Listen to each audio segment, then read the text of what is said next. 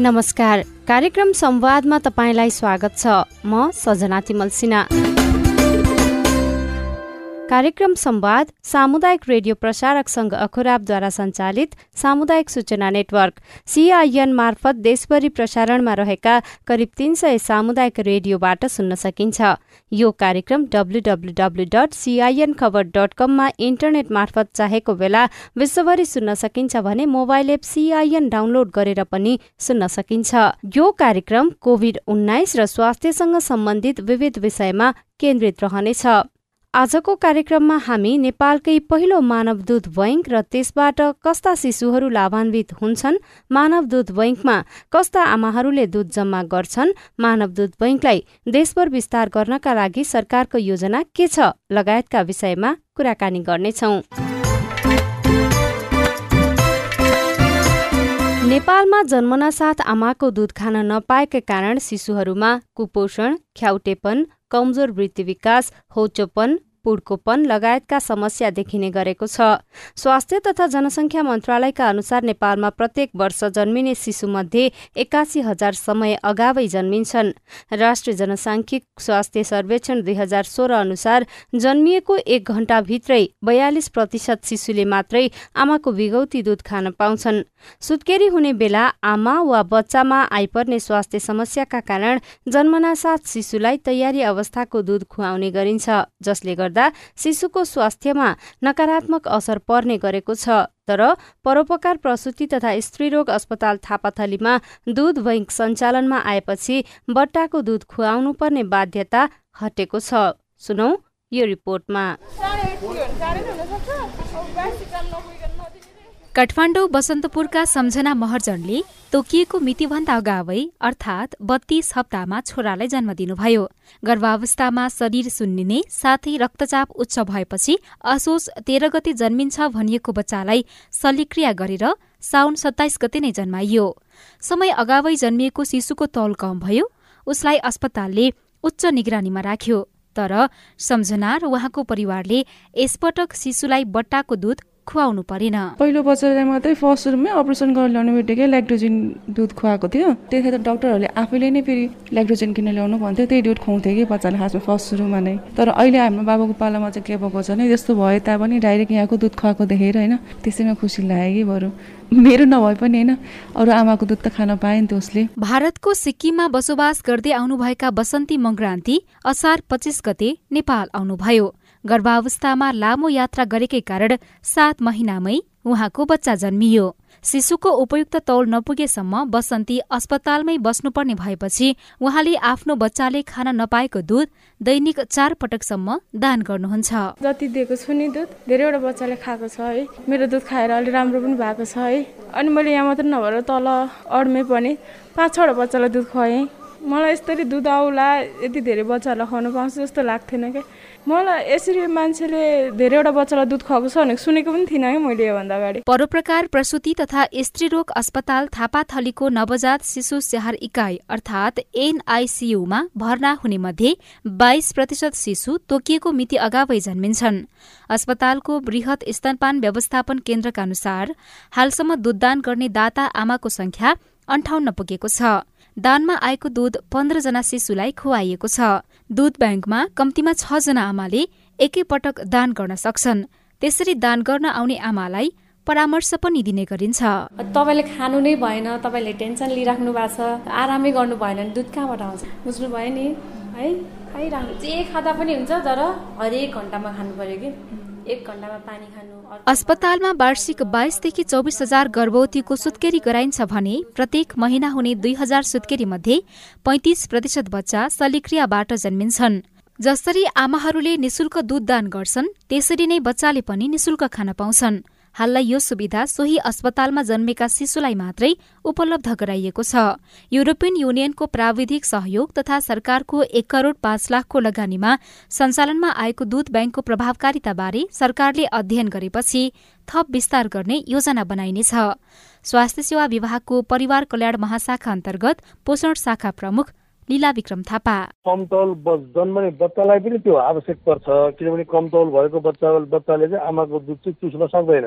कमतौल पनि अब अलिअलि कमतौल अब बढी त्यो त अब त्यस्तो बच्चाहरूको लागि र अर्को चाहिँ आमा बिरामी हुनुभयो र आमा बिरामी भएको अवस्थामा बच्चा आफ्नो आमाको दुध आएन बच्चालाई दुध खुवाउन सकिएन भने हो त्यस्तो। यहाँले बिरामी बच्चाहरू र आमाको एउटा कन्डिसनको कारणले दुध नआउँदाखेरिको अवस्थामा ती बच्चाहरूको लागि चाहिँ त्यो ह्युमेन ब्रेस्ट मिल्क ब्याङ्क भनेर त्यो चाहिँ उपयोगी हुन्छ। खास त्यो उद्देश्यका लागि नै त्यो स्थापना गरेको नेपाल सरकार स्वास्थ्य तथा जनसङ्ख्याको मन्त्रालयको योजना अथवा रणनीति भनौँ यो चाहिँ पहिला अब हाम्रो यो पहिलो पहिलो यो एउटा अनुभव हामी यहाँबाट बटुल्छौँ अथवा यहाँबाट लिन्छौँ होइन कसरी यो जान्छ हाम्रो परि परिप्रेक्ष्यमा चाहिँ यो कस्तो के हुन्छ भने त्यसपछि चाहिँ अनि बिस्तारै बिस्तारै अरू सङ्घीय हस्पिटलमा पनि बिस्तारै गर्दै लैजाने भन्ने छ र कतिवटामा गर्ने कहिलेसम्म गर्ने भनेर त्यसरी ठ्याक्क तय नै गरिसकेको अवस्था चाहिँ छैन। भनेपछि अहिलेको यो प्र्याक्टिसलाई केही समय हेर्दैछ सरकारले। हजुर हजुर दाता आमाबाट संकलन भएको दूध करिब नौ महिनासम्म प्रयोग गर्न सकिनेछ। समयमै आमाको दूध खान नपाउने शिशुका लागि दूध ब्याङ्कले प्रत्यक्ष फाइदा पुर्याएको छ। उषा तामाङ काठमाडौँ। विगतको दुई दशकमा बालबालिकामा न्यून पोषणको दर उल्लेखनीय रूपमा घटेको युनिसेफको दावी छ। सन् उन्नाइस सय छयानब्बेमा सन्ताउन्न प्रतिशत पुड्कोपन अर्थात उमेर अनुसारको उचाइ नहुनुको संख्या सन् दुई हजार सोह्रमा घटेर छत्तीस प्रतिशत पुगेको छ। सोही समयावधिमा न्यून तौल अर्थात उमेर अनुसारको तौल नहुनु बयालिस प्रतिशतबाट घटेर सत्ताइस प्रतिशत पुगेको छ र ख्याउटेपन अर्थात् उचाइ अनुसारको तौल नहुनु पन्ध्र प्रतिशतबाट घटेर दस प्रतिशतमा झरेको छ।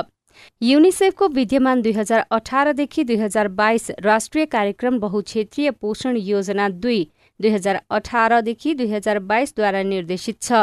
जुन दुई हजार सत्र डिसेम्बरमा जारी गरिएको थियो जसमा किशोर किशोरी गर्भवती तथा स्तनपान गराइरहेका आमाहरू शिशु तथा साना बालबालिकाको खाना खाने विधिमा सुधार ल्याउन कोसिस गरिने उल्लेख छ। तर हालसम्म नेपालमा बयालिस प्रतिशत मात्रै शिशुहरूले जन्मनासाथ आमाको दूध खान पाएका छन्। आमाको दूध खान नपाएकै कारण विभिन्न स्वास्थ्य समस्या देखिने भएकाले सरकारले नेपालमै पहिलो पटक मानव दूध बैङ्कको स्थापना गरेको छ। परोपकार प्रसुति तथा स्त्री रोग अस्पताल थापाथलीमा स्थापना गरिएको यो बैङ्कबाट शिशुहरूलाई सहज भएको छ। बैङ्कमा कसरी दूध संकलन गरिन्छ? कस्ता शिशुले दूध पाउन सक्छन्? कस्ता आमाले दूध दिन मिल्छ? लगायतका विषयमा हामीले अस्पतालको वृहत स्तनपान व्यवस्थापन केन्द्रका व्यवस्थापक स्मृति पौडेलसँग कुराकानी गरेका छौँ। पोलिसी लेभलकै डिस्कसन चाहिने भएको भएर पोलिसी लेभलको डिस्कसन चाहिँ लास्ट इयरदेखि नै सुरु भएको होइन डिस्कसनहरू। त्यो पछि अब सेटअपहरूको लागि अलमोस्ट वान इयर सेटअप होइन इक्विपमेन्ट्सहरू सबैको लागि चाहिँ वान इयर जस्तो लाग्यो होला। पोलिसी लेभलको डिस्कसन प्लस हाम्रो सेटअप सबै गरेर चाहिँ वान इयर भयो गर्न थालेको र अब हामीले पार्सियल्ली फङ्सनिङ चाहिँ हाम्रो वैशाखदेखि नै होइन पार्सियल्ली फङ्सनिङ चाहिँ हामी वैशाखदेखि नै थियो। अब अफिसियल इनाग्रेसन चाहिँ हाम्रो अस्ति कृष्ण जन्माष्टमीमा भएको हो। ह्युमेन मिल्क ब्याङ्क स्थापना भइसकेपछि कति आमाहरू दुध सङ्कलनका लागि अस्पतालमा आउने गरेका छन् र कति सङ्कलन गर्ने क्षमता छ अहिले यो ब्याङ्कमा अब यसमा आमा यति नै भन्दा पनि हाम्रो चाहिँ दैनिक एभरेजमा पाँच सयदेखि सात सय एमएल चाहिँ हाम्रो कलेक्सन हुन्छ। होइन र क्षमताको कुरा गर्नुपर्दा हाम्रो स्टोर त डिप फ्रिजमा हामीले स्टोर गर्ने हो। अहिले हामीसँग storage almost twenty six litre जति चाहिँ स्टोरमा छ। यो अब यति नै सङ्ख्या रहने हो वा यसलाई बढाउने पनि तयारी छ अस्पतालको? त्यो त चेन्ज हुनसक्छ किनकि जति तपाईँले अब डोनेसनमा आमाहरू इच्छुक हुनुभयो उहाँहरूले भलिन्टियरली दिन खोज्नुभयो त्यही अनुसार चेन्ज हुने हो। अब एभरेजमा अहिलेसम्म भनौँ न हाम्रो जेठदेखिको कलेक्सन। जेठदेखि अहिले हामी भदौसम्म आइपुग्दा एभरेजमा चाहिँ five hundred to seven hundred per day छ। एकसाथमा हामीसँग चाहिँ छवटा इलेक्ट्रिक ब्रेस्ट पम्पहरू छ। अनि त्यस्तै म्यानुअल पनि ब्रेस्ट पम्पहरू म्यानुअल पनि छ। त्यसले गर्दाखेरि अब छदेखि दसजना जस्तो आमाहरू चाहिँ आउन सक्नुहुन्छ। ब्याङ्कमा जम्मा भएको दुध अस्पतालभित्रकै बालबालिकाहरूको लागि हो वा बाहिरका बच्चाहरूले पनि पाउन सक्छन्? अहिलेको लागि चाहिँ हामी सुरुवातको स्टेजमा छौँ होइन? सुरुवातको चरणमा छौँ। त्यसले गर्दाखेरि अहिलेलाई चाहिँ हाम्रै भित्रको एनआइसियु हाम्रो नवजात शिशु सगन उपचार भयो होइन? त्यही एसएनसियु र एनआइसियु भन्छ हामीले। त्यो त्यसकै लागि चाहिँ हाम्रो युज हुन्छ। अब भविष्यमा पुगेछ भने चाहिँ अब हाम्रो त्यो पनि टार्गेट हो। अहिलेलाई चाहिँ हाम्रै भित्रको बच्चाहरूलाई मात्र पुगिरहेछ। जस्तै अस्पतालमा ह्युमेन मिल्क ब्याङ्क स्थापना हुनुभन्दा अगाडि अस्पतालमा भएका त्यस्ता बच्चाहरू जो समय अगावै जन्मिन्थे र तिनीहरूलाई आमाको दुध पुग्दैन थियो त्यस्ता बच्चाहरूलाई कहाँबाट दुध दिन्थ्यो? योभन्दा अगाडि त त्यही अल्टरनेटिभको रूपमा भन्न चाहिँ हामीले आमाको दुध राम्रो अनि फर्मुला बट्टाको दुध खुवाउनु हुन्न भन्थ्यौँ होइन? अब अल्टरनेटिभ चाहिँ अरू केही थिएन। त्यसले गर्दाखेरि भनेको बट्टाकै दुध नै खाइरहेको थियो बच्चाहरूले। अब हामीले पनि त्यसरी नै बट्टाकै दुध नै फर्मुला भन्छ हामीले जुन त्यही नै खुवाइरहेको थियो। बट्टाको दुध खाने र अहिले आफ्नै नभए पनि कमसेकम आमाको दुध खान पाउने बच्चाहरूको स्वास्थ्यमा कस्तो असर पर्ने गरेको छ? त्यो एकदमै विभिन्न सर्वेक्षणहरूले पनि देखाउँछ। त्यो सक होइन सकारात्मक विश्वभरिको सर्वेक्षणहरूले हेर्दाखेरि चाहिँ सङ्क्रमणको रेटहरू घट्ने होइन? र श्वास प्रश्वास सम्बन्धी चाहिँ बच्चाहरूलाई समस्याहरूमा कम आउने अब अलिकति हुर्किँदै गएपछि पनि अब दीर्घकालीन रोगहरू जस्तै अब डायबिटिज होइन? सुगर जस्तो मोटोपना बढी हुने अझ भनौँ हामीले चाहिँ धेरै चाहिने बच्चाहरू यस्तो खालको दुध चाहिने बच्चाहरू भनेको चाहिँ जुन समयभन्दा उमेरभन्दा अगाडि नै जन्मेको बच्चाहरू हुन्छ। र उनीहरूलाई दुध पनि पुग्दैन भन्नाले उनीहरूको आमाको दुध आउन पनि नआउने भयो। र जुन बट्टाको दुध छ त्यसले चाहिँ उहाँहरूलाई असर पनि बढी गर्छ अरू बच्चाहरूभन्दा। होइन त्यसले गर्दाखेरि आन्द्राको समस्याहरू हुने त्यस्तो खालको समस्याहरू हुन् हुन्थ्यो। भनेपछि अहिले चाहिँ आमाकै दुध होइन आफ्नै आमाको नभए पनि जुन डोनेसन दाताहरूबाट पाएको दुध छ त्यसले चाहिँ सङ्क्रमण रोक्नेदेखि लिएर श्वास प्रश्वास सम्बन्धी समस्याहरूलाई कम गर्ने त्यो पछि आन्द्राको समस्यामा कम गर्ने झाडा त्यो पछि उल्टी कम हुने र दीर्घकालीन रूपमा चाहिँ यो हाम्रो मस्तिष्कको विकासमा पनि बट्टाको दुधको तुलनामा चाहिँ यसरी पाएको आमाको दुधहरूले चाहिँ राम्रो गर्छ भन्ने सर्वेक्षण छ। थोरै त अघि तपाईँले जानकारी गराउनु भयो यो दुध कस्ता बच्चाहरूलाई दिइने हो। त्यस बाहेक पनि यो दुध कस्ता खालका बच्चाहरूलाई दिने गरिएको छ? हजुर अब यस्तो जुन समस्या हुने अथवा चाहिँ यसरी दाता आमाको दुध चाहिने खालको बच्चाहरू भनेको चाहिँ भने समय अगाडि जन्मेको बच्चाहरू होइन महिना नपुगी जन्मेको बच्चाहरू अथवा जन्मिँदा चाहिँ कम तौल भएको बच्चाहरू भयो। त्यो पछि अर्को चाहिँ बच्चाहरूको समस्या भयो अर्को चाहिँ आमाहरूमा पनि होइन यदि चाहिँ आमाहरूमा अब कुनै खालको रोगहरू छ जुन चाहिँ दुधबाट सर्न सक्छ होइन अथवा चाहिँ भनौँ कुनै खालको उपचारहरू गराइराख्नु भएको छ क्यान्सर भनौँ सबै सबैभन्दा चाहिँ क्यान्सरको उपचारहरूमा हुनुहुन्छ। क्यान्सर रिलेटेड चाहिँ औषधिहरू प्रयोग गरिराख्नु भएको छ अथवा कुनै खालको सङ्क्रमणहरू छ जुन चाहिँ दुधबाट सर्न सक्छ आमाको एचआइभी नै भनौँ होइन हेपाटाइटिस त्यस्तै रोगहरू त्यस्तो खालको आमाहरू हुनुहुन्छ भने उहाँहरूले खुवाउन मिलेन। बच्चाहरूकोमा भनिहालेँ मैले अथवा चाहिँ आमाको मृत्यु भएको अथवा चाहिँ आमाहरू नभएको खण्डमा त्यस्तो खालको बच्चाहरूलाई चाहिँ चाहिने हुन्छ। अनि जस्तै अस्पतालमा भएसम्म मात्रै ती बच्चाहरूले यो ब्याङ्कबाट दुध खान पाउँछन् वा अस्पतालबाट डिस्चार्ज भइसकेर गएपछि पनि उनीहरूले यो दुध खान पाउँछन्? त्यो चाहिँ तत्कालको लागि हामीले यही नै मात्र भर्ना भएको बच्चाहरूलाई मात्र दिन्छौँ। किनकि डोनेसन पनि लिमिटेड हुन्छ र डेली जसरी हामीले दिनुपर्ने हुन्छ दुध दिँदाखेरि चाहिँ अब त्यो चाहिँ पर्याप्त मात्रामा भयो भने त त्यो पनि गर्न सकिन्छ। अरू देशहरूमा त्यसरी पनि गरिएको छ होइन? अब हाम्रो सुरुवात चरणमा भएको भएर हामीले अहिलेको तत्कालको लागि चाहिँ जो चाहिँ निड छ जसमा चाहिँ एकदमै तुरुन्तै दिनुपर्ने खालको छ होइन? त्यस्तोलाई मात्र दिइराखेको छौँ।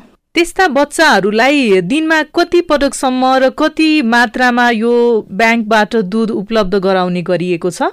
अब त्यस्तो कुनै चाहिँ अब धेरै नै दिनसम्मको लागि पनि हुन्छ। हाम्रो रेकर्डमा भएको चाहिँ बिस दिनसम्म बिस पच्चिस दिनसम्म पनि हामीले दिइराखेको छौँ। त्यो भनेको चाहिँ समयभन्दा अगाडि नै जन्मेको बच्चाहरू र आमामा चाहिँ आमा जति कोसिस गर्दाखेरि पनि दुध आएन भने त्यस्तो खालको छ। कुनै बच्चाहरू चाहिँ अब जस्तै आमाको अरू कारणहरू भनेको सिजेरियन सेक्सन गरेको आमाहरूमा समस्या हुन्छ होइन?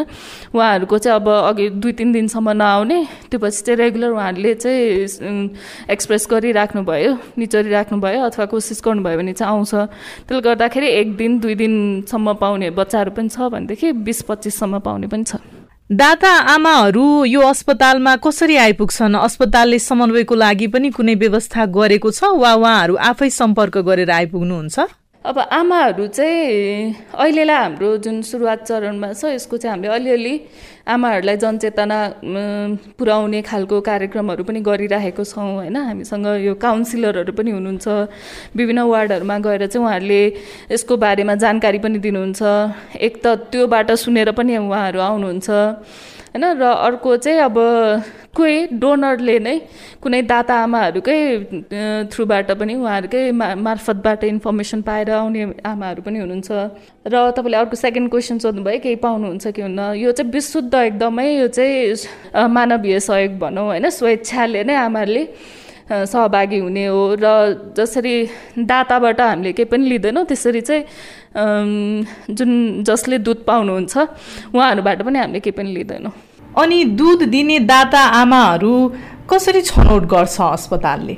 यसमा चाहिँ हाम्रो दाता आमाहरू चाहिँ कस्तो खालको हुन सक्नुहुन्छ भन्दाखेरि अब आमा चाहिँ स्वस्थ हुनु पऱ्यो अब दाता आमाहरू चाहिँ स्वस्थ हुनु पर्यो होइन? स्वस्थ भन्नाले अब हामीले हेर्ने महत्त्वपूर्ण टेस्टहरू भनेको चाहिँ तिनवटा किसिमको टेस्ट चाहिँ त्यो पहिलो चरणमा हेर्छौँ जसमा चाहिँ एचआइबीको एचआइबी वान र टू त्यो पछि हामीले हेपाटाइटिस बीको लागि एसबिएस एजीको टेस्ट र भिडिआरएल होइन? भिडिआरएल टेस्ट चाहिँ तिनवटा गर्छौँ कम्पलसरी नै। त्यो चाहिँ विगत छ महिनाभित्रको यदि टेस्टहरू उहाँहरूसँग छ भने पिडिआरएल भनेको चाहिँ सेक्सुअली ट्रान्समिटेड डिजिज हो जुन चाहिँ आमाको अब सर्न सक्छ होइन दुधबाट सर्न सक्ने खालको चाहिँ रोग हो। त्यो टेस्टहरू चाहिँ आमाहरू नेगेटिभ छ होइन छ महिनाभित्रमा गर्नुभएको छ नेगेटिभ छ भने हामीले आमालाई आमालाई चाहिँ त्यो पश्चात पनि फेरि उहाँको चाहिँ शरीरको जाँचहरू पनि गर्छौँ। जस्तो मे मेजर भनेको चाहिँ हामीले स्तनको जाँच नै गर्नुपर्ने हुन्छ। स्तनमा कुनै खालको चाहिँ अब घाउ खटिराहरू छ कि पाकेको छ कि होइन? र कुनै खालको अब ठेउला जस्तो रोगहरू जनै खटिरा होइन? जुन चाहिँ विशेष त स्तनको वरिपरि छातीको वरिपरि छ कि छैन भनेर हेर्छौँ किनकि त्यो रोगहरू पनि सर्न सक्ने हुन्छ। है? त्यसले गर्दा त्यो पनि हेर्छौँ। त्यो पछि दीर्घकालीन रोगहरू केही छ कि होइन? केही सङ्क्रमणहरू छ कि दीर्घकालीन रोगहरूमा क्यान्सर जस्तो रोगहरू भयो होइन? हेपाटाइटिसकै कुरा भयो हेपाटाइटिस बी सी जस्तो रोगहरू छ कि त्यो कुराहरू सोध्छौँ आमालाई र स्तनको जाँच। र यो सबै कुरामा चाहिँ सोद्धाखेरि कुनै पनि किसिमको रोगहरू छैन भन्ने भएपछि बल्ल उहाँहरूले चाहिँ दुध दान गर्न सक्नुहुन्छ। ए यति नै भने हुँदैन। आमाहरूले जति जति आउँछ त्यति नै उहाँहरू स्वेच्छाले दान गर्न आउनुहुन्छ। अब भ्याल्यु उहाँहरूको पर्मानेन्ट एड्रेस अब बाहिरको भए पनि अब यहीँ बसिराख्नु भएको यहीँ काम गरिराख्नु भएको कुनै कोही कोही चाहिँ हुनुहुन्छ त्यस्तो पनि। बाहिर बसिरहेको अब काठमाडौँ काम परेर आएको त्यस्तो खालको भइहाल्नुहुन्छ। जाँच चाहिँ उहाँहरूले गरे गरेको हुनु पऱ्यो होइन? जाँच गर्नुभएको छ भने जहाँ गएको पनि आमाहरूले दिन सक्नुहुन्छ। त्यो चाहिँ अहिलेलाई जुन अब हाम्रो हस्पिटलभित्रै भएको आमाहरू भएको भएर अब हामीले चाहिँ गराएकै हुन्छौँ त्यो चाहिँ जुन उहाँहरू चेकअपको लागि यो एएनसी चेकअप जुन हुन्छ गर्भावस्थामा गर्नुपर्ने चेकअपहरू त्यो बेलामा हामीले गराएकै हुन्छौँ। त्यसले गर्दाखेरि अहिलेसम्म त्यस्तो खालको छैन। हाम्रो एकजना डोनर चाहिँ बाहिरको हुनुहुन्छ अहिलेसम्म। उहाँले चाहिँ आफैले गराउनु भएको। जाँच चाहिँ आफैले गर्नु पऱ्यो अब यसमा चाहिँ यो सबै टेक्निकल सपोर्टहरू युनिसेफको युरोपियन युनियनको टेक्निकल सपोर्टहरू हो होइन? अब गभर्मेन्टको चाहिँ बजेट लास्ट इयर भनेको एक करोड पाँच लाख भएको भन्। धेरै हामी इक्विपमेन्ट यो मात्र सेटअप होइन नि त तपाईँले यो देख्नुभयो। ल्याब छ हाम्रो प्रोसेसिङ रुम छ अब स्टाफको खर्चहरू भयो। त्यही प्रोसेसमै भने मैले अगाडिदेखि नै जुन तपाईँले अब दाता आमाहरू सेलेक्ट हुनुभयो। उहाँहरूले चाहिँ दान गर्न सक्नुहुन्छ भनेपछि हामीले उहाँको दुध निका लिन्छौँ होइन? लिएर चाहिँ स्टोर गर्नुपर्ने होइन? स्टोर गर्नुपर्ने डिप फ्रिजमा स्टोर गर्नुपर्ने हुन्छ।